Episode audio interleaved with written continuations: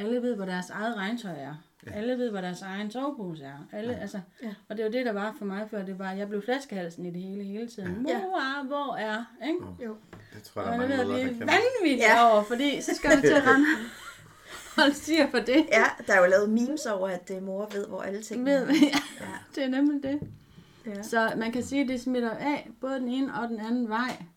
Og det er derfor, at det giver så meget mening for mig at hjælpe folk med op, fordi jeg kan se, hvordan deres psykiske tilstand løfter sig Ja. af en så lavpraktisk ting som oprydning. Ja. Så jeg vil sige, at jeg har set ægteskaber, der var lige ved at gå i stykker, Mm. og hvor den ene troet med at gå, Mm. som bryder op sammen, og så finder sammen igen og får et stærkt parforhold ud af det. Ja, Ja. fantastisk. Ja.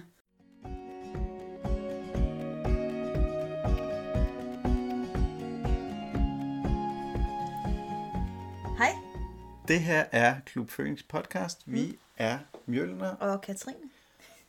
og den her podcast er hovedsageligt henvendt til øh, forældre med børn med specielt behov, men den er fyldt med masser af gode ting, som kan bruges af alle, der er føler, de er under pres eller stresset. Mm. Du kan følge os på Instagram, Facebook, gå ind på vores hjemmeside, hvor vi har et nyhedsbrev. Og øh, hvis du hører podcasten, og du synes, den er fed, så må du rigtig gerne give os et, et review inde på iTunes. Yes. Tak skal du have. Tak skal du have, og god fornøjelse. Vi har lige haft besøg af Miriam fra rydheltop.dk, som du også kan finde på Facebook. Og det kom der en lille times samtale ud af, og vi kom ind omkring en rigtig masse spændende ting omkring øh, at få hjælp til at få styr på, øh, på sine ting, så man har ting i sit hjem, der gør en glad, og ens hjem bliver et sted, hvor man lader op. Og øh, for rigtig mange af os familier, der har børn med specielle behov, så kan det være et sted, der kommer til at, at flyde, og så kommer det nemt til at tabe energi fra os, i stedet for at være et sted, hvor vi øh, lader op og bliver glade. Så, øh, så lyt med her og få nogle øh, gode tips og tricks til, hvordan øh, du kommer i gang, og hvordan du kan få noget øh, overskud. Og, øh, og alt det her med, hvordan det er, når andre kommer ind i ens hjem, og hvordan man øh, føler sig vurderet på det, og en masse andre spændende ting. God fornøjelse. Hej Miriam, velkommen til. Tak for det. Tak. Selv tak. Tak fordi du kom. Ja, vi har glædet os Vi har glædet os rigtig meget. helt vildt meget. Det er jeg også. Fordi det her med oprydning og rengøring, det er, har haltet i rigtig, rigtig mange år hos os. Og har givet mig sindssygt meget stress og skam Mm. og skyldfølelse over ikke at slå til. Ja. For katten. ja. Det er ikke rart. Så øh, det glæder vi os til at dykke ned i. Ja. Og øh, nu sidder vi jo her i vores hjem i dag, og øh, Mjølner han foreslog, om øh, jeg ikke kunne holde op med at rydde op. Eller du ved, der skal Nej, ikke at du skulle holde op. Nej, men at du skulle lade, jeg skulle det er lade bare være. lige, at du ikke skulle forandre noget, så, så vores hjem fremtræder sådan, som det er, som det er lige nu, uden at vi har Ja. gjort noget. Mm. Ja, og nu er det jo lidt, øh, det var lidt angstprovokerende for Men mig. trods jo. alt støvsud. sådan. Ja, jeg, jeg fik lov, altså jeg, jeg ville have lov til at støvsuge, fordi ting. Øh, men det var meget angstprovokerende for mig, og jeg synes jo, det var rigtig heldigt, fordi i forgårs, der skulle øh, vores øh, søn have besøg af sin ven, så der ryddede jeg lige lidt op. Ja.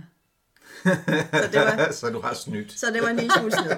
Men har stadigvæk øh, ikke øh, fuldstændig øh, clean eller noget som helst, Nej. Fordi det har vi aldrig haft. Nej, men der er heller ikke så ulækkert, som, øh, Nej, som der kan være. som der kan være, når man har et barn, der... Der smed yoghurt og øh, Ja. chips og Vi havde lige og her til en morgen, hvor hun, hun skulle lige give katten mad, så hun hældte alt det an- gamle kattemad ud på gulvet, så der kunne komme nyt kattemad i. Ja. Og kattemaden, der andet kattemad var også oppe i kattens vand. Ja. Så sådan er det. Ja. Ja, Så vi, øh, vi er super spændte på, mm. hvad, hvad det her er for noget for katten. Ja. Ja, men vi vil jo starte med at stille det spændende spørgsmål. Mm. Og det er, vi har lige en hane med her. Den, Mm. dem, der har lyttet Der til os før, ved, at øh, han er med tit på alle vores optagelser.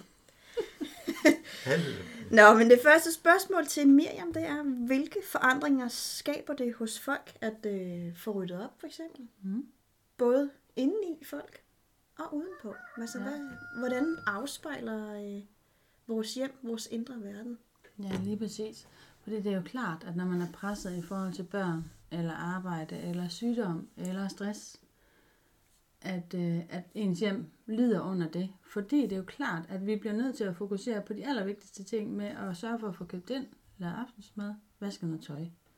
Og så, kan det, så er det helt naturligt, at, at øh, ting og sager, som godt lige kan vente lidt, kommer til at vente, og nogle gange vente rigtig lang tid, hvis der er en livssituation, som jo strækker sig ud over x antal år, og man ikke kan se enden på det og sådan noget, og bliver overvældet. Øh, og der kan det jo hjælpe at få hjælp udefra til at forvente den, fordi man bliver træt af at se på de der bunker, og lidt stress over, Ja. øh, den der kvittering med det der, eller det der gavekort, hvorfor en bunke ligger det i, og hvor er det henne, og den der bog, jeg havde lånt af hende, den skal jeg aflevere tilbage, men jeg ved ikke lige, hvor den er blevet af, og, ja. altså, den der, og det fylder jo ind i ens hoved og Ja. ens øh, følelser, og stresser oven i alt det andet, man mm. Mm. er presset over. Ja. Så derfor så at forvente det, sådan at man ved, hvor alle ens bøger er, alle ens papirer, alt det vigtige. Mm. Det, giver, det gør jo, at okay, så kan man koncentrere sig om at blive rask og få Ja. det bedre, og Ja. få ordnet de ting, der presser en. Ja. Så ja, det giver ja. noget overskud. Det gør det. Ja.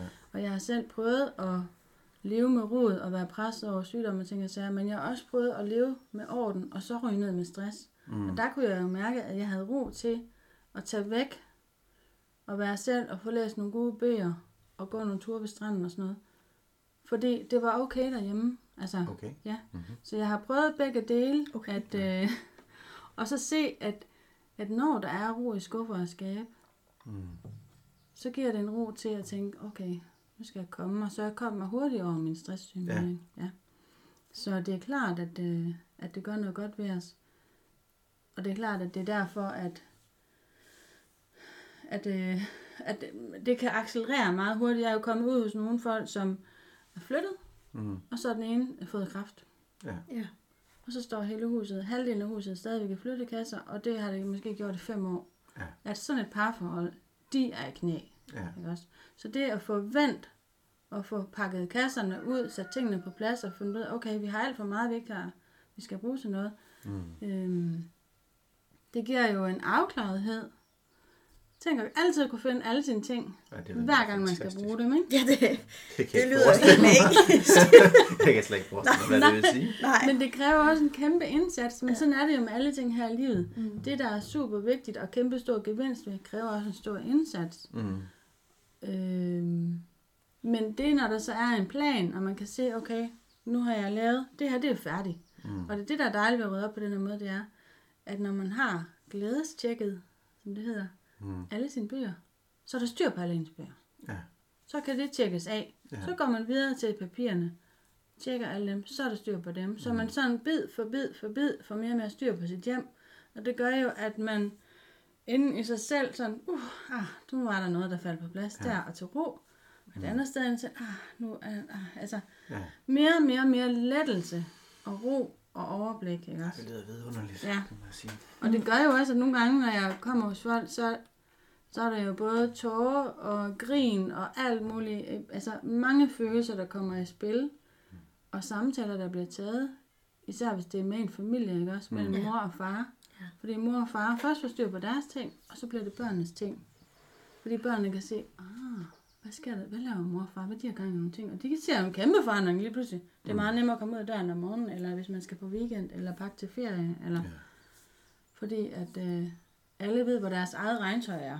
Ja. Ja. Alle ved, hvor deres egen sovepose er. Alle, ja. altså, Ja. Og det jo det, der var for mig før. Det var, at jeg blev flaskehalsen i det hele hele tiden. Ja. Mor, hvor er? Ikke? Jo. Det tror Og jeg, jeg der er mange mødre, der kan. Ja. ja. over, fordi så skal du til at rende holde styr på det. Ja, der er jo lavet memes over, at øh, mor ved, hvor alle ting Ved, er. ja, det er nemlig det. Ja. Så man kan sige, at det smitter af både den ene og den anden vej. Og det er derfor, at det giver så meget mening for mig at hjælpe folk med op, fordi jeg kan se, hvordan deres psykiske tilstand løfter sig Ja. af en så lavpraktisk ting som oprydning. Ja.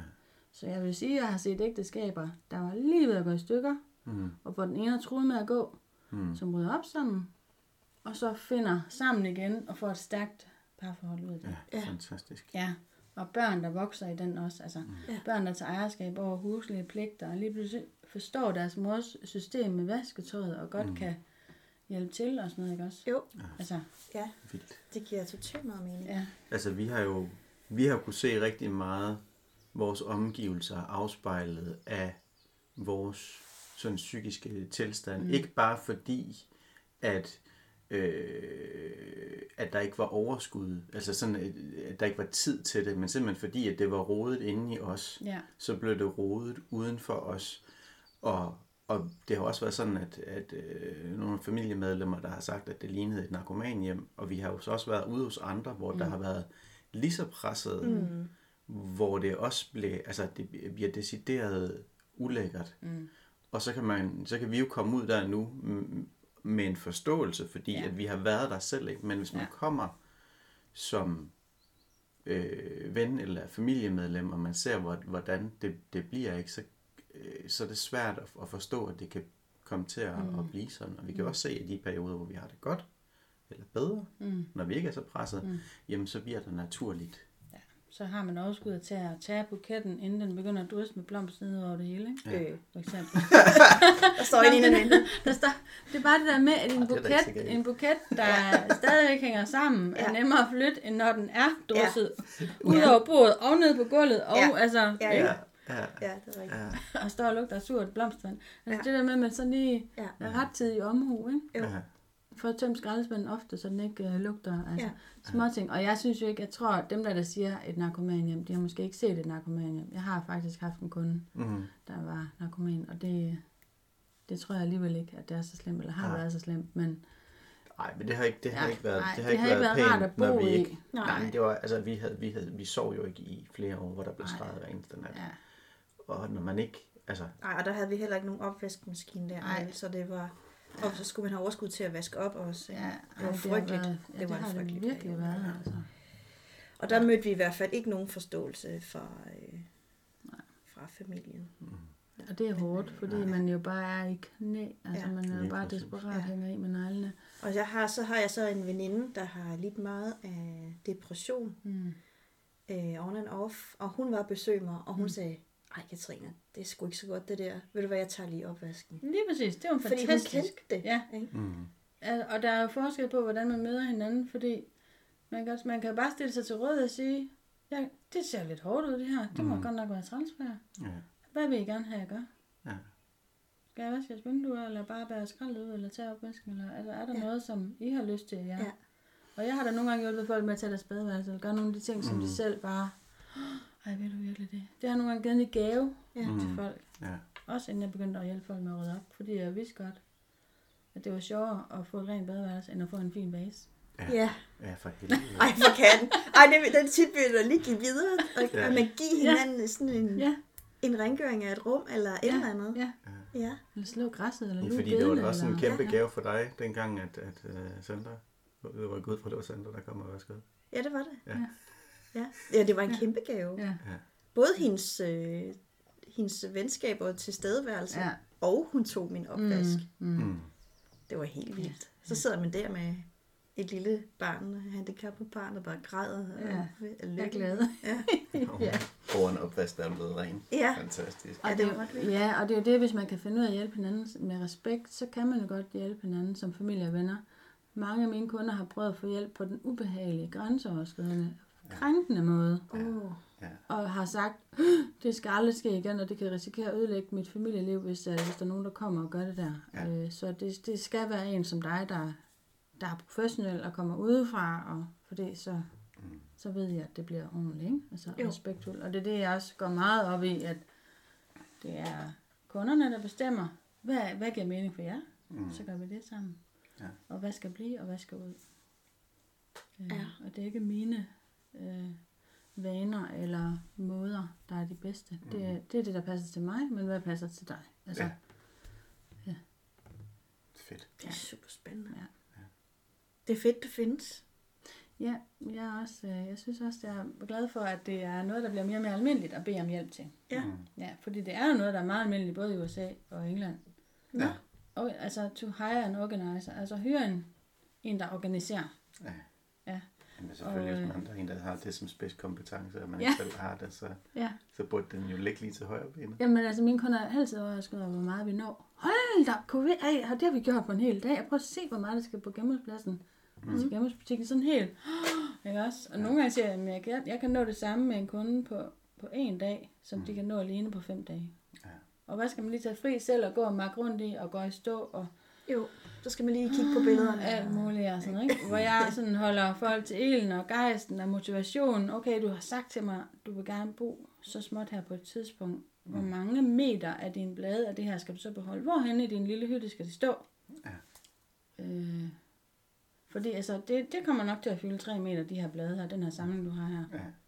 Ah, okay så. Så behold to blade, og så smid resten ud. Ja. Ja. Fordi, ej, det var alligevel ikke lige helt. Det skal, så det der med at få afstemt øh, drømme og længsel med det, man gør i virkeligheden. Mm. Så hvis man drømmer om, at det er super hurtigt at gøre rent, at man kan slappe af, både visuelt og psykisk, når man er hjemme, og at ens hjem er et sted, man lader op, og har tid til at være par, og har tid til at være familie, hvordan skal det så være? Ja. Og hvad er så vigtigst? At man har alle ens øh, ordbøger fra en studietid? Eller at, øh, altså, oh. ikke også? Der er så mange. Så vi bytter jo. Vi bytter de overflødige ting med, med det, vi hellere vil. ja. Med noget Og så- energi og Ja, og nemlig. Og alle de kogebøger, man kan have stående med ting i, hvor man, ja, altså, det tager lang tid at lære en kogebog at kende, ikke også? Og Mm. Det der med, at man kommer til at give sig selv lidt lektier for at gå og holde styr på tingene, og hvis man hiver en øh, side ud af et blad, hvor skal den så være, for at man kan finde det igen? Ja. Og hvis man bare gemmer noget, uden at have en chance for at kunne finde det igen, Mm. hvorfor så hive den der artikel ud af det blad? Ja. Altså, så man skal hele tiden spørge sig selv, giver det mening i forhold til det, vi egentlig gerne vil? Ikke Ja. Ja. Og- Men det, det, det kræver jo et vist, altså det kræver jo et vist overblik, eller, Ja. eller et, et, øh, et mønster, man ligesom kan gå ind Ja. i. Og hvis man ikke har et fastlagt mønster i sig Ja. selv, og man heller ikke har overblikket. Ja. Altså, og det, Ja, ja. synes jeg, det synes jeg jo tit, at vi oplever her. Ikke? Jeg synes, mm. det kommer ind i nogle perioder, sådan nu mm. gør vi et eller andet, og så rydder vi op. Ikke? Men så stod man altid ind i, sådan, men den her, den kan jeg godt komme til at få brug for, mm. eller den her, den ved jeg simpelthen ikke, hvad jeg skal gøre mm. med lige nu, mm. eller... Det er rigtigt. Øh, Og det er svært. Altså, øh, og der må man jo igen, okay, er det forholdsvis billigt at anskaffe sig? Er det nemt at anskaffe sig? mm, Altså er det noget med sådan, hvis nu man kommer til at bruge det, mm, eller har brug for det, eller er noget, jeg kan låne af en, jeg kender, eller, altså, og selvfølgelig skal man beholde, hvis man bruger sit værktøj jævnligt, eller andre ting, eller et eller andet, ikke? Øh, og køkkenting, man bruger. Men nogle gange, så kan man jo spørge sig selv, hvor mange forskellige slags skåle i en bestemt størrelse, bare fordi den ene er i glas, en i keramik, en i melamin, en i Mm. porcelæn. Ja. Har man så brug for så mange skåle i den størrelse? Ja. Nej. Så det, og det er det, der er fedt ved det her. Det giver overblik, fordi man finder alle sine skåle frem på en gang. Finder, okay, ej, jeg har nok skåle. Og jeg kan godt have både salat, ris og lemang, risengrød, altså på skift selvfølgelig, i den samme skål, ikke? Mm. Man behøver sikkert hver sin. Fordi Nej. der, der er nogen, der har sådan nogle meget faste Ja, rytmer. Jamen, den bliver altid brugt til det her. det er min risengrødsskål. Ja, nemlig. Ja. Ja, Sådan, det, det, har det er det altid. fine kaffestel, som man ikke må bruge på noget som helst tidspunkt. ja, fordi Som bare står der. og så, altså, vi Ja. har jo kun et sæt tallerkener, et sæt Ja. ja. bestik, Ja. Ikke også, fordi jeg kan ikke se, hvorfor jeg skulle bruge et pænt sæt. Men der er så nogen, der synes, det er en værdi for dem, og det kan de godt lide. Men så skal de gøre det. Men at gøre det uovervejet, Mm. og bare sådan, det plejer man. Øh, hvem siger det? Og det er der ikke, der er ikke nogen Ja, lov over. det gjorde min Altså, mor altid. Ja, Mm. Jamen, gør du, vil du det gøre det? ja. Jeg har aldrig gjort det endnu. Nej, Kommer så, du til det? Nej. nej. Oh, godt. Og det er det, jeg mener med, at man skal leve lidt mere med vilje. Men mm. det er rigtigt, det kræver noget overskud, fordi det starter jo allerede, når man er i butikken. Mm. At man siger nej til bongen, hvis man ikke gider have den. Altså, Mm. hvis man bare er supermarkedet. At man sælger sine egne poser eller tasker med, så man ikke får ekstra poser med hjem. Mm. At man hurtigt, når man åbner noget, får emballagen smidt det rigtige sted hen, så det ikke bare ligger og flyder på spisebordet i x antal dage eller uger. Ja. Altså, Mm. at man sådan får, man får stoppet, stoppet strømmen af ting, der ryger ind i ens hjem, og at man er hurtig til at få, få det unødvendigt ud igen også, ikke? Ja. Og øh, altså, hvis jeg har læst en god bog, og jeg har købt den i genbrug, så skynder jeg bare at aflevere den tilbage til genbrug. Mm. Med det samme, altså, jeg Hvis du kommer ind i sådan et, et hjem, hvor folk de er presset i knæ, som mm. du Mm. siger, ikke? Hvor, hvor, altså, hvor lang tid tager det for jer i samarbejde at få lavet et system, der fungerer, og hvad skal der ligesom til for, at de kan blive ved med det? Altså, at de kan bibe, bibeholde det, når du ikke er der. Ja. Altså, Det er jo, at, at det hele starter med at få fat i, hvad er, hvorfor vil I rydde op? ja. Hvorfor vil du rydde op? Og hvordan vil I gerne bo fremadrettet? Hvad Ja. vil I gerne kunne i jeres hjem? Og hvad drømmer jeg om at bruge jeres tid og energi på? Og penge og det hele, ikke også? Altså, hvad er prioriteterne og værdierne? Mm. For det er jo målet og motivationen for overhovedet at rydde op. Og så når det bliver svært, så kan man huske, at vi gør det jo, fordi det er Ja. vigtigere for os at have tid til vores parforhold og vores børn, end det er at have nogle bestemte ting, eller komme til at gå og falde over noget, eller lede efter ting, eller spille mm. tid med at rydde op. Fordi det tager så lang tid at rydde op og gøre rent, når der er alt for meget, ikke? Ja.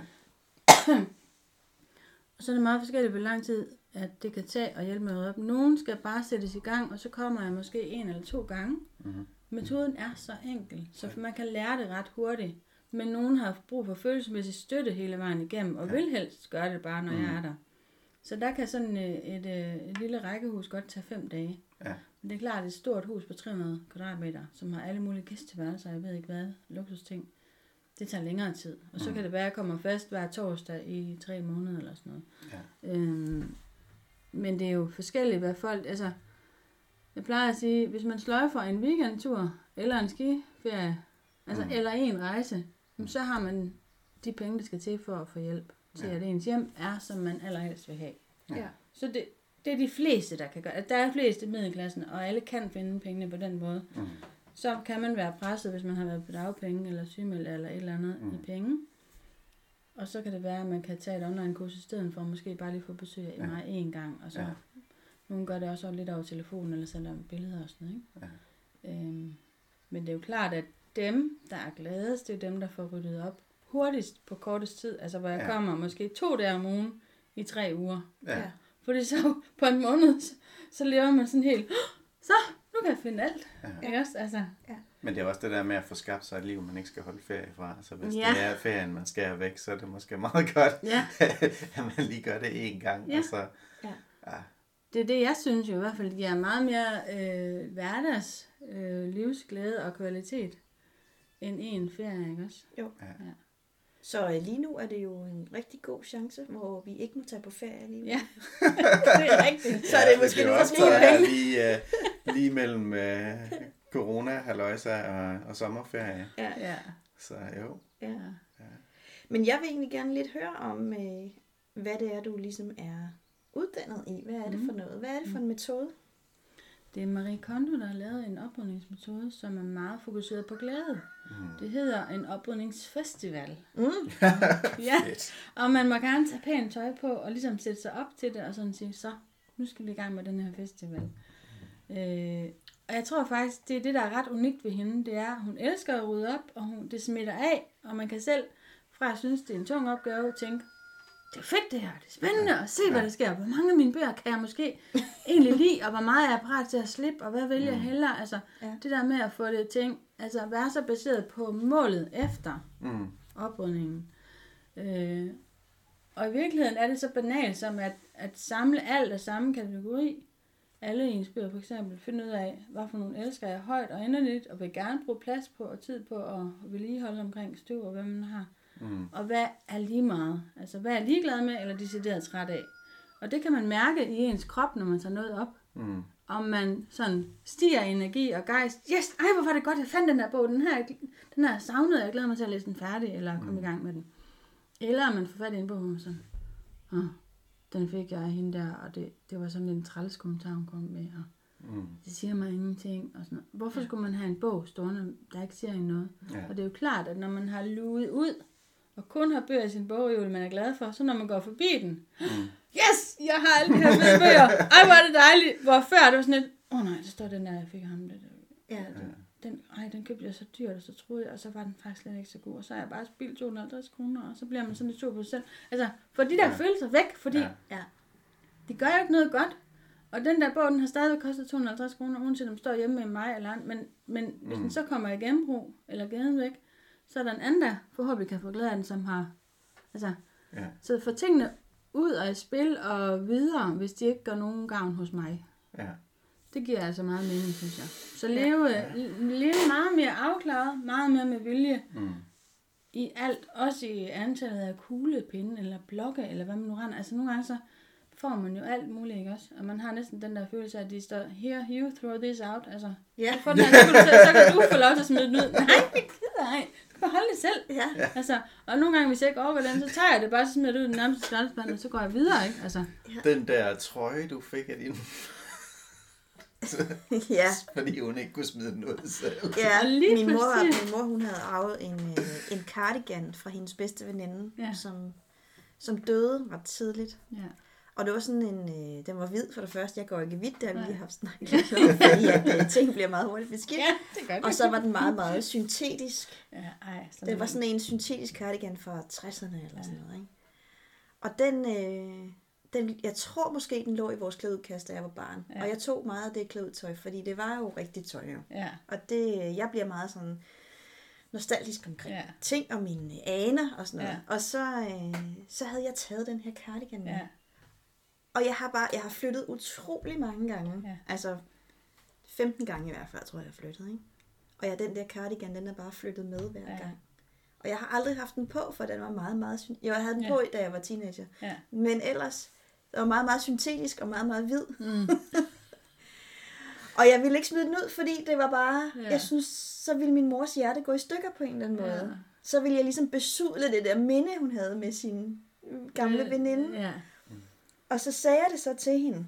Jeg har den her ting, og, hun, og min mor hun var fuldstændig ligeglad. Hun var sådan, nej, har du den stadigvæk? ja, Ikke? ja. Og jeg havde også gemt, jeg, havde, så, jeg har faktisk også gemt en nytårskjole, min mor syet til mig i 98. ja.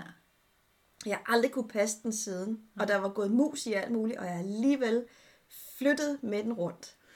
Og så siger jeg til min mor, at jeg har endelig smidt den her kjole ud, fordi... Og jeg var, men jeg var så bange for, at du blev ked af det, og hun var sådan lidt, hvilken kjole? Ja. Du skal da ikke flytte rundt Nej. på sådan noget Nej, rod. det lyder hvorfor klogt, jo. Ikke?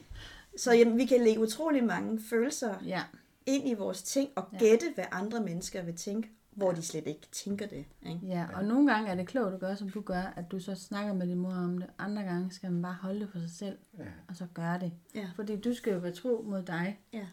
Øh, fordi at, at gaver for eksempel, altså man har jo ikke giftet sig med en gave. Altså, og hvor lang tid skal man holde en gave, for at man synes, at, at det er okay? Er det, er det 14 dage, eller er det to måneder, eller to år, eller 20 år? Altså, hvornår er det okay, at skal have med en gave? Ja. Hvis man ikke gider have den, ikke har plads til den, ikke, det passer ikke ind, og man bare synes, den er svær at tage støv af på, eller den er... Øh, Ja. Så videre med den, ikke også? Ja. Altså. Og så, kan man, så, så bliver jeg stadigvæk glad for at få en grim lysesdag. Fordi jeg bliver glad for, at der er en, der gerne vil give mig noget. Mm. Men jeg kan godt give gaven til genbrug dagen efter alligevel. Jeg siger det selvfølgelig ikke til hende. selvfølgelig ikke. Men, men, men det følelsesmæssigt, den der gestus i, Ja. så gaven har jo gjort det, den skulle. ja. Ja. Det er Men nu er det. den færdig med at gøre det, den skulle. Så nu Ja. skal den bare videre sit liv. Ja. Ja. ja. Ja. Altså, Fedt. ja, og, og selvfølgelig har vi nogle minder i nogle tøje ting at sige, og det er faktisk også noget af det, Marie Kondo siger, der er vigtigt, det er jo, at hver gang man møder et stykke tøj med sentimentale mm. øh, følelser i, eller affektionsværdi, så skal man skynde sig at lægge det væk. Okay. Samle det i en kasse, og sige, fordi det er det sidste, man skal håndtere. Okay. Og det er det, der sluger energi, okay. det, er slitter, det er det, der forvirrer en, det er det Ja. der, og man er slet ikke klar til at forholde sig til det endnu. Så Det man skal heller er ikke kigge, så man skal heller ikke kigge på kassen med billederne. Nej, det er det aller, aller. Det er nemlig en rigtig god idé. Eller gamle kærestebrev, eller gamle dagbøger og sådan noget. Nej, nej, nej, fordi uha, så kommer man jo helt tilbage i Ja. sit barndom og alt muligt. Og øh, det med at glædestjekke og finde ud af, hvad gør mig glad, Ja. det er lidt en muskel, man skal træne, og det er derfor, man skal starte med sit tøj. Fordi tøjet er tættest på ens krop, Ja. man mærker det på huden og det hele, Mm. og kan godt mærke, at den her t-shirt god for mig? Ja. ja eller nej, ikke? Ja. Og så får det sorteret på den måde. Og så Ja. arbejder man sig systematisk igennem en bestemt rækkefølge for at tage det letteste først og slutte med det sværeste. Okay. Men at man kan finde sentimentale ting i alle kategorierne. Og det er derfor, man skal være hurtig til, hvis man kan, når man sidder med en stak papir, og man tror, det er bare bankpapir, forsikringer og ting og så kedelige ting. Og så lige pludselig ligger en eller anden øh, dejlig kærlighedserklæring, eller et eller andet fra ens børn, eller Mm. ægtefælde. Så skal man så lægge det til side, fordi man, det skal man ikke forholde sig til lige nu. Nej.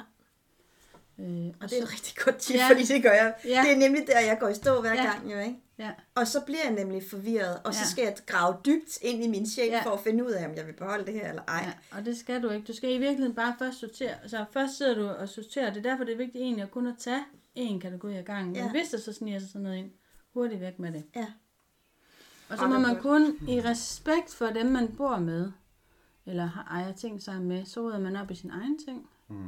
Hvis man har fælles ting, så rydder man fælles op i det. Og hvis man står for eksempel i sit køkken, og den ene elsker den her skål, og den anden hader dem, så er det, at man snakker om, okay, hvem skal have lov til at bestemme her? Men det vil altid være min anbefaling, at den, der elsker skålen, skal få lov til at beholde den. Mm. Så kan den, der elsker skålen, senere finde ud af, okay, for at gøre min ægtefælle glad, er det måske okay at skille mig af med den. Og det, det er jo også tit sådan noget som malerier, man kan være enige om, eller mm. uenige om, eller andre ting, der hænger fremme, og lidt Ja. mere sådan, at øh, den ene synes, åh, det er for mørkt og dystert, og den anden synes, nej, det er fint, og den har eller andet, ikke? Og nogle gange bøjer man sig i kærlighed til den anden, mm. og siger, okay, det er vigtigere for mig, at du også synes, det er pænt, det vi har hængende mm. fremme, end at jeg får min vilje. Og det er nogle gange det, man skal... Jeg synes, man skal huske, respekten er det vigtigste.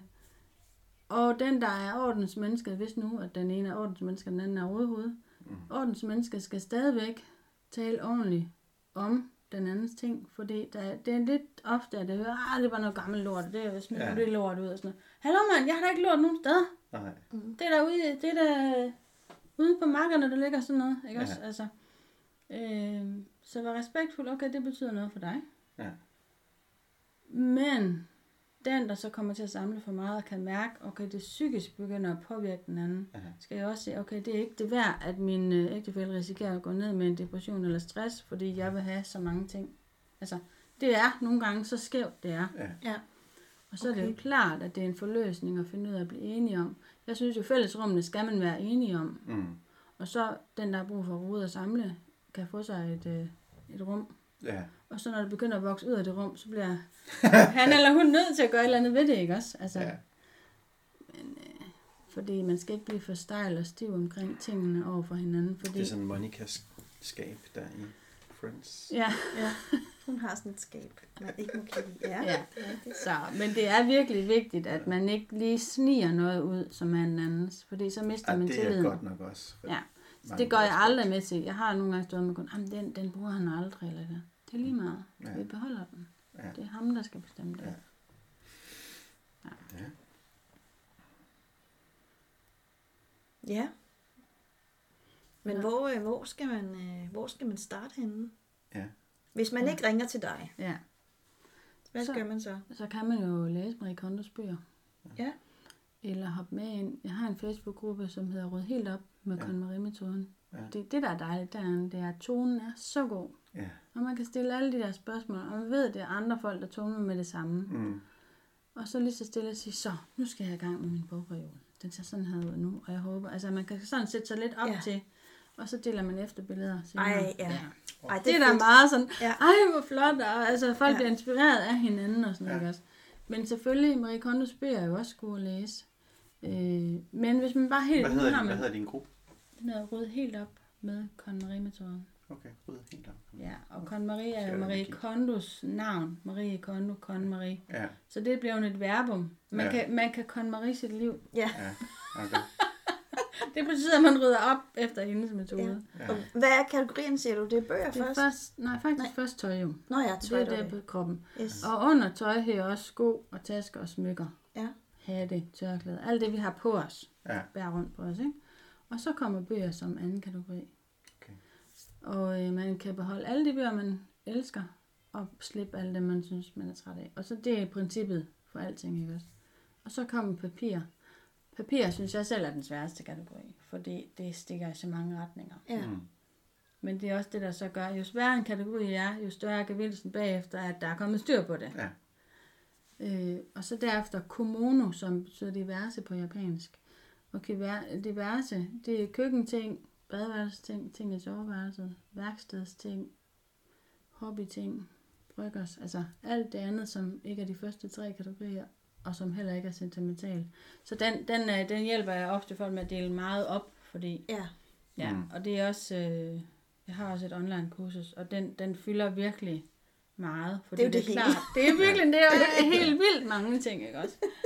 øhm, men det er, øhm, det er så dejligt, og den kan man sådan tage lidt, hvor man nu lige synes, om det er køkkenet først eller badeværelset først, Mm. det er lige meget. Men at man i hvert fald sørger for, at hvis man tager sin køkkenting for eksempel, at hvis der så også står noget ude i bryggerset, eller inde i stuen, mm. eller gemmer sig rundt omkring, at man så vidt muligt får samlet det. Ja. Men det er ikke altid, man kan samle alt, alt. For det er ikke altid, man ved, hvor det er. Altså, åh, der står vist nogle kasser øh, ude i gangen, eller ude i garagen, eller op på loftet, eller nede i kælderen.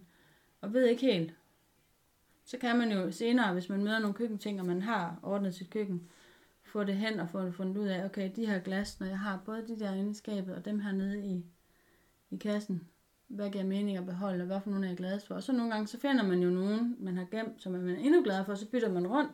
Mm. Og andre gange, så tager man bare lige tre, fire op, ah, de er fine, og så afleverer Ja. resten til genbrug. Ikke? Altså. Ja, ja, ja. Men det der med, at man lige, fordi igen, plads og overblik og ro er ofte vigtigere end et kæmpe udvalg af et eller andet, ikke? Så derfor så, selvom man måske er glad for rigtig mange af sine glas, så kan man stadigvæk godt tænke, okay, hvad for nogle er jeg mest glad for Ja. så? Altså det, jeg synes, noget af det, jeg synes er udfordrende, det er de der ting, som jeg tænker, jeg kommer til at bruge senere. Mm. Det er for eksempel, jeg har masser af bøger fra, øh, nu er det så akupunkturbøger, fra jeg er ikke blevet færdig med mit akupunkturstudie. Jeg tænker på et eller andet tidspunkt, men er det om 10 år, mm. eller 15 år, eller hvad skal de stå der indtil da? Ja. Og redskaber ude i skolen, mm, som mm. jeg måske kommer til at bruge til et eller andet. Det synes jeg er svært. Ja, jeg har også sådan nogle gamle sygebøger. Øh, Jeg syr ikke øh, tøj Endnu? ja, endnu. Jeg har gjort det engang, da Ja. min øh, søn han var øh, et, to år, og da, nu er han jo alligevel snart teenager. Mm. Ja. Men jeg tænker, hvis verden går fuldstændig at lave, mm. hvilket der er virkelig er tegn på mm. I, lige nu, pt, mens vi optager, så Ja. tænker jeg, at det bliver godt at sidde der et sted og være ligesom det lille hus på bræen, og så Ja. syr jeg mit eget tøj til børnene, så de kan klare sig, eller et eller andet. Ja. Øhm, ja. Ja, og der må man jo skælne lidt, fordi jeg tænker, ah, uden, uden at vide særlig meget om det, men akupunkturbøger, de er klassikere. Ja. Det sker, der er ligesom de samme punkter, og det er sådan, det er. Hvorimod øh, psykologi og pædagogikbøger og sådan noget, der er meget, der ændrer sig, fordi mm. man opdager nye ting og sådan noget. Ja. Så der vil jeg jo, jeg er uddannet pædagog også, jeg vil jo hellere, hvis der er et bestemt pædagogisk, psykologisk emne, som jeg vil sætte mig ind i, så vil jeg hellere låne nogle af de nyeste bøger, eller mm. købe nogle af de nyeste, end som at kigge i mine gamle studiebøger, som er ved at være 19 år gamle, ikke? ja. Der er sket Så de er altså røde. Okay. Ja, ikke alle, for der var nogle helt særlige klassikere om noget drama og ting og sager, hvor jeg tænker, det fint nok, men, men hvor jeg tænker, de der argumenturbøger, hvis det er en længsel og en drøm, du har, så behold dem. Altså, Ja. Men jeg tænker, overvejelsen kunne så også være, at jeg kunne sælge dem, og så købe dem igen, hvis og ja, når. det er rigtigt, det kunne man også. Og hvad så med sådan noget der med, Ja, med tøj, eller, eller tøj, som man tænker, at man ved, om ens børn måske kommer til at bruge en gang i fremtiden. Oh, Ja, ja, og det- jeg har en pose, der står børnebørn på. Ja. Og, der, og der, det, det havde jeg også på et tidspunkt, men så var der simpelthen øh, nogle flygtninge, som kom uden noget som helst og fik en baby. Ja. Og så kunne jeg faktisk godt slippe det. Fordi jeg vidste præcis, okay, det er dem, der får glæde af det. Ja. Øh, så jeg har, jeg har et sæt tøj, eller to måske, fra børnene, sådan helt første tid. Ja. Men jeg har ikke øh, givet det beholde. Og så nogle sygebøger. Det der er, det er, at altså, der er nogle klassikere, ikke også? Som det var sjovt nok at få Ja. ja. eller gemme. Men det er ikke sikkert, at, øh, at det er dem alle sammen. Og hvis du har noget, der minder for meget om hinanden, så kan man igen beholde ja. den bedste af de her. Også? Hvis man nu har tre, der handler om børne babytøj, så behold den, du er glad for. Altså. Ja. Eller den, du har nemt ved at sy efter. Ja. Eller, Jeg kan godt høre, at det vil øh, hjælpe rigtig meget at have dig med indover, Ja. fordi min hjerne den slår knude. Ikke? ja, Og der kan du lige være skarp og sige, prøv at høre her, ja, hvordan ser det ud i virkeligheden? ja. Nå ja, ja. Jeg kommer faktisk også i tanke om, at inde på min hjemmeside, Rød Helt Op, øh, kan man hente en gratis checkliste, så man har hele rækkefølgen. Mm. Okay. Og så kan man jo krydse af, Nå, nu fedt. har jeg fået ordnet. Også hvis man ikke overgår at tage hele sit køkken på en gang, så kan man tage alle sine glas frem. Mm. Mm. Okay, nu er alle glasene ordnet. Og så tager alle ens tallerkener. Nu er de ordnet. Altså, Ja. Og så lige så stille arbejde sig igennem. Fordi at det er klart, det er overvældende at tænke, jeg skal rydde op i hele mit hus. Hvor skal jeg starte, ikke? Og der er faktisk en plan. Mm. Ja, fordi at efter alt det der diverse kommune der, så er det sentimentale ting, Ja. som har samlet sig under hele oprydningen. Ja. Og hvor, at når man sidder med et fotoalbum, altså nogle fotos, var der nogen, der siger, at fotos, det er uerstatteligt, det skal man, man skal gemme det hele og sådan et. Øh, altså, jeg havde billeder med steder, jeg ikke vidste, hvor var fra. Ja. Med mennesker på, jeg ikke vidste, hvem var. Øh, hvem var det lige, der skulle se de billeder? Ja. Altså, når jeg ikke engang selv gider at se på dem, hvorfor skulle du så gide at se Hvorfor skulle jeg vise mine børn? Altså, ja, det, er- der, er en, der er en skov her. Og der er også der er nogle mennesker. Ja. Og der er faktisk også nogle bjerge. Men øh, altså, Ja. ikke også? Hvad for nogle historier vil vi se? Ja, så det vil sige, jeg har jo gemt de billeder, hvor jeg har nogle historier omkring, og gode minder omkring. Ja. Mm. Og det gør jo, at mine fotoalbums er blevet top meget mere relevante og sjove at kigge i. Mm. Og øh, nogle gange er det simpelthen bare lige fire billeder ud af et helt album, der ligger i en lille kuvert. Og så står der lige sommeren 82, eller ja. nej, der var jeg ikke. Jo, der var jeg, hvad, fire år. Øh, ved, altså, øh, at man sådan lige øh, Ja. er lidt kvali- Jeg synes, det er kvalitetsbevidst, fordi, og jeg hørte også en, en, en af mine kursister, hun sagde, hun havde faktisk haft så mange dumme billeder samlet, at hun havde brug for at lave et album, hvor det hed Mennesker, der betyder noget for mig, eller mennesker, der er vigtige i mit liv. Mm. Og så gemme det. Og det var en helt anden, fantastisk følelse, hun sad med Ja. der. Og kigge rundt i det, ikke også? Ja. Ja. Og hvad er det, man skal bruge sin fotoalbums til? Altså, jeg tænker, det er gode minder. Jeg tog så også, øh, for sjov, så havde jeg lige tre dårlige billeder, som virkelig kunne bringe dårlige minder frem. Og Mm. tænkte, okay, hvis jeg skal rydde op i et eller andet med en psykolog en gang, så er det dem her, jeg skal finde frem. Og så skrive det udenpå, dårlige ja. Det jeg tænker, okay, så er der bevis, for der var lige noget der, ikke også? Ja. Øh, ej, jeg har fået, jeg har sådan rimelig ryddet op i, hvad der sådan er kommet hen over vejen, ikke? Ja. Men jeg tænkte bare, det er i hvert fald ikke nogle billeder, jeg gider støde på, tilfældigt. Nej. Men måske er de også lidt vigtige, ja. men bare på den træls måde. Eller sådan. Ja. Ja. Men i hvert fald, Ja. tag nogle bevidste til- og fravalg. Fordi ja. en eller anden uh, irriterende person, man er gået i klasse med, hvorfor altså, Ja. ja. Ja, helt klart. Ja. Altså, vi har, jo, vi har jo nogle film af vores datter, når hun har reageret allermest om, om natten, ikke? Mm. Og det kan man sige, det er på absolut intet plan et godt minde. Nej. Men det er noget, vi ligesom... Og fordi vores, altså vores hukommelse har begge to lidt, vores er hjerne har lidt skade, ikke? så Ja. der er nogle ting, vi ikke kan huske at gengive. Så når vi møder nogen, der skal fortælle om, så har vi det ligesom... Og også til at minde, ligesom at for, minde os selv om, hvor meget bedre vi har det nu, Ja. end vi havde det dengang. Mm. Øh, der synes jeg, det har, det har en funktion og en, en værdi. Ja. Men måske er det ikke nødvendigt at have 50 filmklip med vores datter, der skriger og sparker og sådan noget. Nej, men jeg tror, det er fint nok, det der med netop hukommelse. Altså, Ja, Og selvom at hovedspørgsmålet er, gør det dig glad. Ja. Men så kan det jo stadigvæk give det mening at beholde. Altså ja, det gør det, fordi det netop Ja. ja. fortæller om, hvor barsk det var, ikke også? du har også, det er også noget med, at du har haft en, ja, en jeg har også en søn, som, øh, som har været igennem en depression. Og det har også været barsk. Og der kan jeg også godt se de billeder, der er blevet taget af ham. Mm. Altså, der, jeg kan ved præcis, hvilke billeder, der blev taget lige inden han røg ned. Ja, okay. Der kan jeg huske, okay, det var ja. Ja. sidste gåtur, inden vores liv det væltede. Ja. Og det er jo klart, at det er stærkt, det billede, ikke også? Ja. Ja. Og så se, okay, der, der kan jeg se, der har han, der har han det dårligt, og der, og der er han ved at få det bedre Ja. ja. igen, og så videre, ikke? Øhm, og der er det, jeg taler om, det der med, at, at jeg forstår godt, at ens liv kan blive slået så meget om kul, Mm. at man kun tænker på basic overlevelse. Ja. Så jeg vil jo altid, altid se mildt og kærligt på, øh, på andre mennesker, når der er et eller andet, der sejler. Fordi der er ikke nogen, der med vilje som voksne, vi snakkede om teenager, kan godt Ja. rode lidt med vilje, men som voksne, der er ingen, der længes efter mere rod og mere Mm. mangel på overblik. Nej, nej. Så det er ikke, det er ikke med vilje i situationstegn, Nej. At, tingene kommer til at, se Nej. sådan ud. Det er med det. Kunne du se det, kunne du se det på, altså når du tænker tilbage, Ja.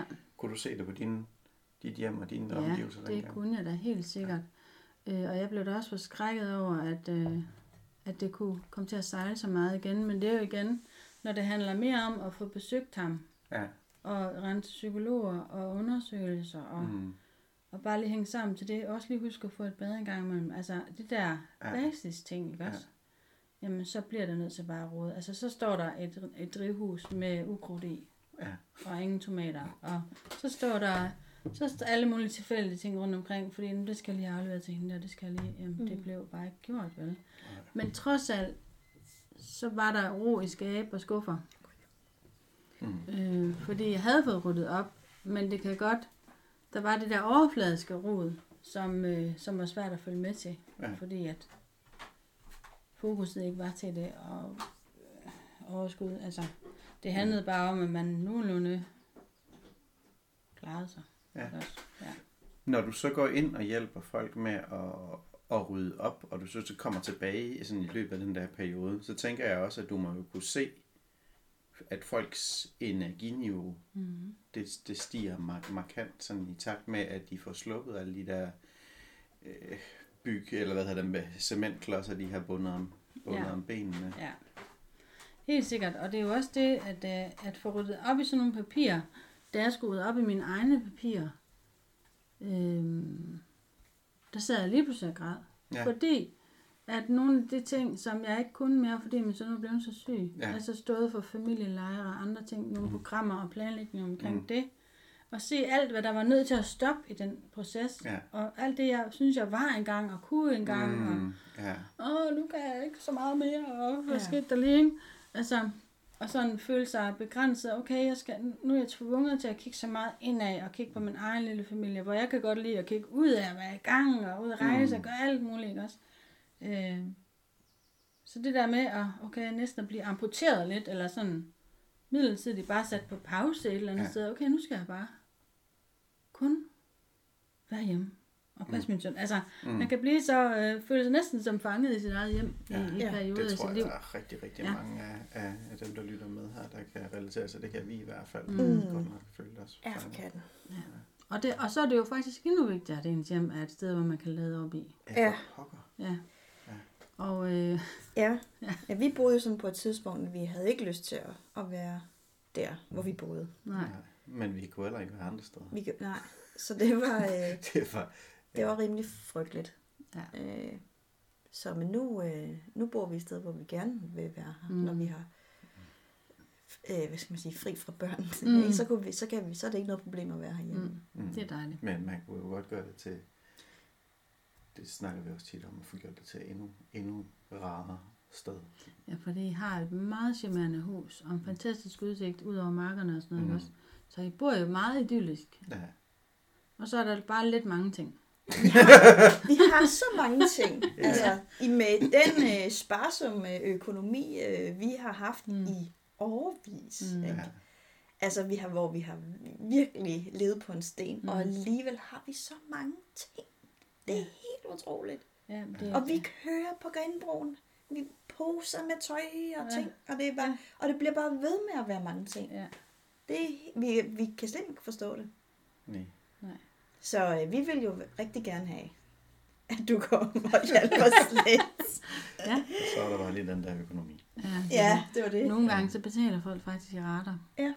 Fordi det kan være det svært. så man ligesom kan sige, okay, jeg kan undvære 1000 kroner om måneden. Og så betaler man af lige så stille, fordi Ja. jeg ved det jo godt. Altså, Ja. at selvom at de fleste danskere godt kan finde pengene, så er der også nogen, der har virkelig svært ved det. Ja. Jeg har en kunde nu her, som hun har betalt, når der kom børnepenge. Ja. Ja. Så fik hun det. Og det var faktisk Okay. to dage, hvor vi fik ordnet hele hendes kælderrum Mm. og hele lejligheden. Og det var, og det var lige inden corona.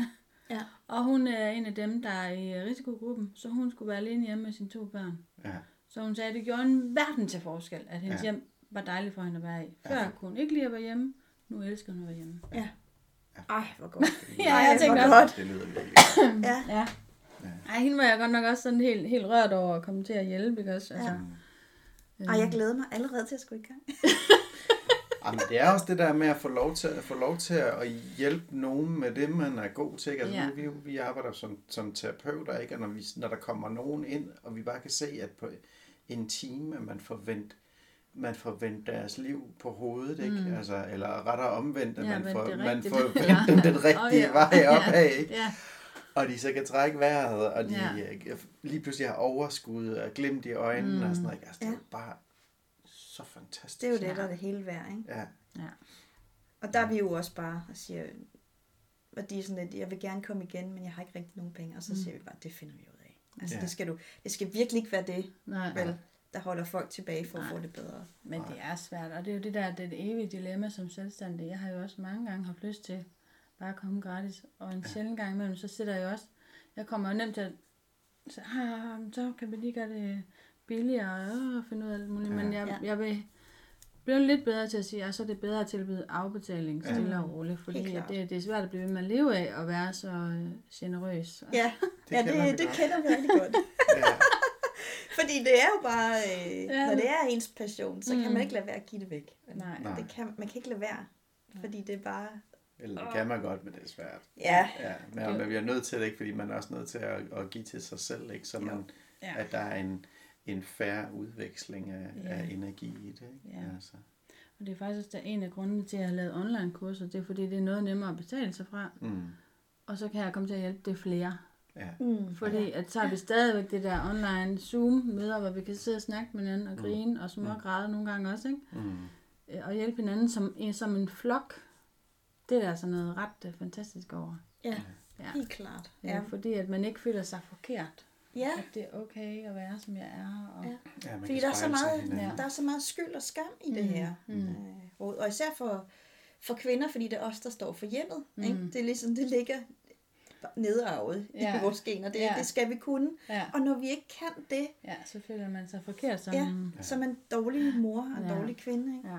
For man ikke kan holde styr på børn og hjem og alt det andet. Og alt det andet. Og alt det Og alt det andet. Og så skal man også lige have en karriere Ja. Ja, det er det. Ja. Oveni, ikke? oven i hatten. Og jeg synes jo ikke, man er en dårlig mor. Altså, fordi at vi kan alle sammen blive væltet af livet. Mm. Uforskyldt. Ja. Altså, ja. Ja. Og dem, der ikke forstår det, det er jo fordi, de ikke har prøvet det. ja, det tænker jeg også. Og det er jo heller ikke alle, der har lært at rydde op hjemmefra. Det er der flere af mine kunder, der siger, men jeg ved ikke, hvordan. Nej. Jeg, jeg, jeg, jeg lærte det aldrig af min mor og far, og de var heller ikke særlig gode til det. Eller min mor og far lavede det til en sur pligt, så jeg gad ikke. Eller min mor og far gjorde det bare. Altså, Ja. så man kan alle mulige grunde til, at øh, ikke at kunne rydde op. Ja. Øhm, og noget af det, der er fedt ved at rydde op, vi snakker om det der med indre og ydre, det var, at jeg, især en kvinde, jeg kommer til at tænke på nu, hun sagde, jeg har lært, hvad der gør mig glad Ja. ved at rydde op. Hun har altid pleaset alle andre, og alle, altid ordnet og gjort ved.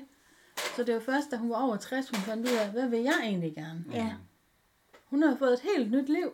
Altså, Ja. hun Ej, er så fri og let, og hun er sådan helt, altså nu er hun bedstemor med slag, ikke også, fordi hun har overskud til det. Ja. Før var hun øh, sådan en lille husslave, Mm. ja. følte hun, ikke også? Jo. Altså, ja. Men det er jo også, altså, vi har jo nogle udfordringer i forhold til vor- vores personlighed, så, mm. Mm. så det er også noget med at, at, at, at kunne bede om hjælp til, Lige at, præcis. så hvordan, altså vi, vi er jo ikke skide gode til at, at bede om hjælp, Nej. selvom vi øh, godt kunne have haft brugt det hen ad vejen, ikke? Så hvad, hvad, hvad, hvad gør man med, med dem, altså ja. hvis man ikke er god til at bede om hjælp, Jamen, Hvordan, det er, øh, ja. hvordan kommer man så i gang? Lige præcis, for jeg tror, nogle gange, hvis vi siger til os selv, hvordan tænker jeg om andre, der beder om hjælp? Ja, Men det er okay.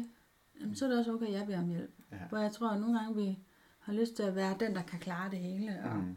jeg, jeg skal nok få styr på det. Øhm, men at der er, altså, jeg kan heller ikke selv lægge fliser, vel? Nej. Altså, og hvorfor er det ikke okay? Det er da helt okay at bede om hjælp til at få lagt fliser. Ja. Det er også helt okay at høre en øh, vinduespusser. Der er masser af ting, der er okay. Mm. Men hvorfor er det mindre okay at til at rydde op? Og det er netop den der, det bør man kunne selv. Altså, du skal til, selv tage dig styr dit eget... Ja. Til, altså, det bør du selv, ikke? Og så, siger, "Nå, men hvor, hvad nu, hvis jeg ikke kan? Eller ikke har overskud? Eller ikke gider bruge så lang Ja. tid på det? Eller gerne vil være hurtigt færdig? Ja. Så jeg tror egentlig at bede om hjælp, det er at gøre det, og så sige, invitere sine venner til lige at få øh, fundet forhaven. Ja. Eller lave en arbejdsdag og sige, har I, har I lige to timer, vi er godt nok, øh, vi ved at være forpustet, nu har vi været presset så længe, og vi ved godt, at alle andre tænker, nu skulle vi til at være ovenpå og være i gang igen, men livet er stadigvæk hårdt. Mm. Øhm, Jeg tænker også, det er meget, ja. meget intimt. Ja, der, jeg Og- tænker, der er mange, der siger, at der er ikke nogen, der skal komme ud fra at rode i mine ting. mm, Ja, ja. Ikke? Fordi at man tænker, at man er forkert, ikke? og når Mm. man har nogle øh, skeletter i skabet, måske tænk, hvis nogen, der finder ens, øh, ja, et eller andet hemmelige hemmeligheder. Ja. Det kan man gemme lidt væk. Og det plejer jeg også at sige til mine kunder, hvis du har, altså hvis der man finder en æske et eller andet sted, eller et bestemt skuffe, eller et, altså jeg, jeg skal ikke kigge i alting. Og det kan man jo også sige til sine venner, men jeg har brug for, at vi lige kigger på, på bogreolen sammen. Vil du hjælpe mig med, at vi bærer det ud og får klappet alt støvet ud af dem, og lige tager støv af, og vil du hjælpe mig med at være min rengøringsting i det her, eller være ekstra hænder, ikke også? Altså, Mm. øh, og så få det båret ind igen, og få sat det, og så sat alle kogebøgerne her, alle Ja.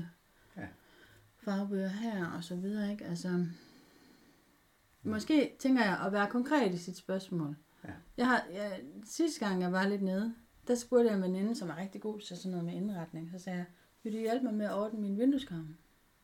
Ja. Fordi jeg havde alle mulige potter stående, som ikke var plantet i nogle urtepotteskjuler. Ja. Jeg havde øh, blomster, der skulle endnu større, og jeg, der stod alt muligt tilfældigt i vindueskarmen, ikke? Jeg kan godt kigge. ja. Og så fik vi tømt vindueskarmene, og så satte jeg hende bare ud, med, ud i med et plantebord. Ja. Og så, så, så gav jeg hende de potter, der skulle bruges, og alle de planter, så de der to skal de der to, og den der, de skal her, og sådan noget. Ja. Fordi jeg, jeg fik bare ikke selv gjort og det er så træls at stå og kigge på en, Ja. en flot uh, ting, man har købt, som stadigvæk står den der plastikpose i sin uh, plastik, Ja. den der, og så står man og vander, og så nogle gange så tisser lidt ud ved siden. Ja. og og- og-? Ja, det gør det. Så bare sådan en, altså en lille bid af gangen. Og så havde jeg en anden veninde, der spurgte, vil du komme og hjælpe mig med at få plantet, øh, plantet hvidløg og ordnet i urtehaven og ordnet ja. noget med krydderurterne. Bare lige en halv time. Mm. Og det andet, det tog en time. Ja. Ikke? Altså små bidder af hjælp. Og det, Ja. er så, det er så dejligt at være den, der bliver spurgt om hjælp. Ja. Det For- vil folk jo gerne. Det vil man så gerne. Mm. Og, så når, og, og så jeg, jeg vil også bare lige sige til dem, der lytter med, mm. at når der kommer nogen og spørger, om de må hjælpe dig, Mm, så, så kommer de jo med en gave. Ikke? Ja. Og hvis du siger nej, fordi du ikke vil være til besvær, Ja, så er det en lose-lose situation. Ja. Fordi dem, der kommer, de kommer og vil give dig en gave, og du siger nej til den, mm. så føler de, at de ikke er gode nok. ja, ja. At deres hjælp ikke betyder noget, har ikke Ja. nogen værdi. Ja. Og du får ikke dine ting gjort stadigvæk. Så, der- og du, du får ikke nogen gave. Så det er bare totalt en lose-lose. Og det der med, når nogen der siger, hey, skal jeg ikke lige hjælpe dig med at bære ja. Ja. dine indkøbsposer, de ser utroligt tunge ud, eller Ja. holddøren eller sådan noget. Bare sige ja. Også det, ja, der er jo faktisk nogen, der sidder til at sige, bare sig til, hvis der er noget, der skal hjælpe med. Det kan være lidt svært, men hvis Ja. ja. man griber den, så siger ja, øh, jeg kan ikke følge med til, altså mit køleskab, det ved jeg være for ulækkert. Du ikke godt hjælpe mig med det? Ja. Altså, og så, øh, ja, Og det er bare rart, at, at der kommer friske øjne på, fordi der er nogen, der de tager nogle hurtigere beslutninger, Ja. end man selv kan ja, gøre, ikke? Ja, Og siger, den her, den her er altså for gammel, det skal Ja. ja. Okay, Også nå. fordi de ikke har nogen følelser de har ikke involveret. ja, ikke? lige Og det er jo, altså, det er jo rigtig meget det, det altså det hele Ja. det handler om. Det handler om, om ens følelser. Og det er også derfor, at, at man skal være gelinde, altså man skal være respektfuld, når man hjælper andre, uanset om man er venner eller familie eller professionel. Fordi at det er jo den, man hjælper, der har følelser i det. Mm. Og øh, ja, så ikke nogen sådan vrænge eller spidse kommentarer eller noget som helst. Bare mildhed og ro og tålmodighed og alt det. Altså, Ja. fordi at øh, alt andet er, er for hårdt, ikke? Jo. Men ja, endelig tage imod hjælp. Det er det. Småt som stort. Ja. Og måske også bare en, der kommer og siger, jamen, du må godt komme og hjælpe mig med at få lavet aftensmad, så kan vi spise sammen. Eller... Vi har i hvert fald nyt, når der er nogle venner, der har inviteret til en arbejdsdag, for eksempel. Ja. Hvor, hvor det har været mange forskellige, og så har de lavet frokost, og så har vi siddet, Mm. Vi har faktisk siddet 20 mennesker om et bord og spist frokost sammen, ikke? og så Ja. har vi plantet nogle træer, og det har bare været så hyggeligt. Og det har vi jo kunne gøre på tidspunkter, hvor vi har været mega presset selv. Ja, ikke? det er jo det, Og fordi der, selv har vi, der har vi fået overskud af at kunne, Ja, at kunne give til nogle andre. lige præcis. at have børnene med, ikke? Og øh, det var, hvor vi skulle, ja, vi skulle plante nogle frugttræer og sådan noget, det var, så det var så hyggeligt, det kunne børnene sagtens være med Mm. til, ikke? Ja, så man, man, man nemlig at rigtig gode relationer, der er det rart, at man skifter til at være den givende og den modtagende. Ja. Men det er jo klart, at vi vil alle sammen gerne være det seje. Ja. Men det er bare ikke så sejt i længden. Og, det er, og vores liv er ikke altid til det, vel? Så. Så. Men det er jo, altså lad os bare sige, det, det er sejt og det er stærkt at bede om hjælp. Mm. Det, Fordi det det. kræver mod. det er nemlig det. Det er faktisk sejere at bede om hjælp, end ikke at gøre det. Fordi det er dumt at lade være. Det er i hvert fald tungt at lade være. Det, det bliver rigtig tungt at lade Ja. være. Mm. Ja det Ja. det kunne vi godt lære lidt mere af. Mm. ja. Ja. Skal vi... Har, har du mere sådan på falderæb, du tænker? Nej, andet. jeg netop håber, at, at skammen omkring rodet kan blive mindre, fordi ja. det er mere almindeligt, end folk regner med at rode. Ja. Der er nogen, der tror, at øh, åh, jeg er en af de få, der sådan tumler med det her. Nej, du er bare en af de mange. Ja. Altså, og at øh, forskellige tidspunkter i livet er vi forskellige presset, og at ja, og så er det rart at få hjælp til at komme ud af alt det værste pres, og det er jo nemmere at få hjælp til nogle af de der praktiske ting, og så kan man selv få taget sig af noget andet, ikke også? Altså få frigivet noget energi til at tage noget af det, man selv kan tage sig af. Ja. Ja. Så, ja. så det er jo det, jeg synes, øh, kunne få lov til at hjælpe folk sådan videre med væk fra et hårdt sted til et godt sted. Ja. Det er derfor, at, øh, at jeg rejste til San Francisco i sin tid og tog uddannelsen og tænkte, det er der simpelthen øh, grobund for her i Danmark, og ja. der er brug for det. Jeg havde selv haft brug for det. Så jeg blev hende, jeg selv havde manglet på et tidspunkt det i mit liv. Det er jo det. det, er jo det. det, er det. det er det, vi laver her. Ja. Det er det, vi havde haft brug for. Ja. Sådan et, et, sammen, et fællesskab omkring Ja. det her. ja. Fedt. Mm. Jamen, tusind tak, Miriam. Tusind tak, Ja, Miriam. Det var Skide godt. interessant. Mm. Mm. Vi glæder os til at, at rydde op sammen med jer. Ja, Lige måde. ja. Ja. Og glæder os til at se, hvor, hvor din, sådan det hele det bærer hen af. Ja, tak. Det var så podcast nummer to fra Klub Phoenix med Miriam fra rydheltop.dk. Og du kan selvfølgelig finde hende inde på hendes hjemmeside, og du kan finde hende på, øh, på Facebook, og hun har nyhedsbrev, hun har nogle øh, online kurser til dig, øh, som, som gerne vil klare det selv. Og så kan du få Miriam hjem til dig til at, øh, at hjælpe dig med at komme i gang, hvis, øh, hvis det kunne have interesse. Men i hvert fald så er Miriam en, øh, en super dejlig dame, og vi kom jo ind omkring en masse ting om, hvad alt det her med rod det øh, betyder for os, og øh, hvordan det kan give os overskud at få, øh, få det kogt ned, vores ting ned til det, vi kun lige har behov for, og som gør os glade. Lidt øh, tips og tricks til at komme i gang, og hvordan man gør, og til at få bedt om hjælp, og en masse andre gode ting. Så, øh, så jeg håber, I synes, det var lige så sjovt og spændende, som vi gjorde. Tak. Hej. Hej. Du har lige lyttet til Klub Phoenix podcast. Det er hovedsageligt en podcast for forældre til børn med specielle behov. Du kan læse mere om os og hvem der har været med inde på klubfoenix.dk-podcast. Og du kan også følge os på Facebook, KLUBFOENIX, eller på Instagram, hvor vi også hedder KLUBFOENIX, Klub Phoenix. Du kan også skrive til os på hej klubphoenix.dk og vi håber, at øh, du har synes det var fedt, og hvis du gjorde det, så må du rigtig gerne give os et review der, hvor du nu har fundet podcasten, og hvis du er helt vild med det, jamen så kan du øh, støtte os på Tier eller øh, Patreon, og der kan du finde linkene inde på øh, klubphoenix.dk podcast, og inde på Klub Phoenix, der har vi kurser, og vi har også et øh, forum, der er gratis til alle øh, forældre til børn med specielle behov og pårørende også i øvrigt. Så det var det for den her gang. Vi håber, du kommer tilbage og hører noget mere. Der kommer flere podcasts hen ad vejen. Vi har legnet en masse dejlige mennesker op og øh, fyldt med sund og nærende viden for os alle sammen. Hej med jer derude.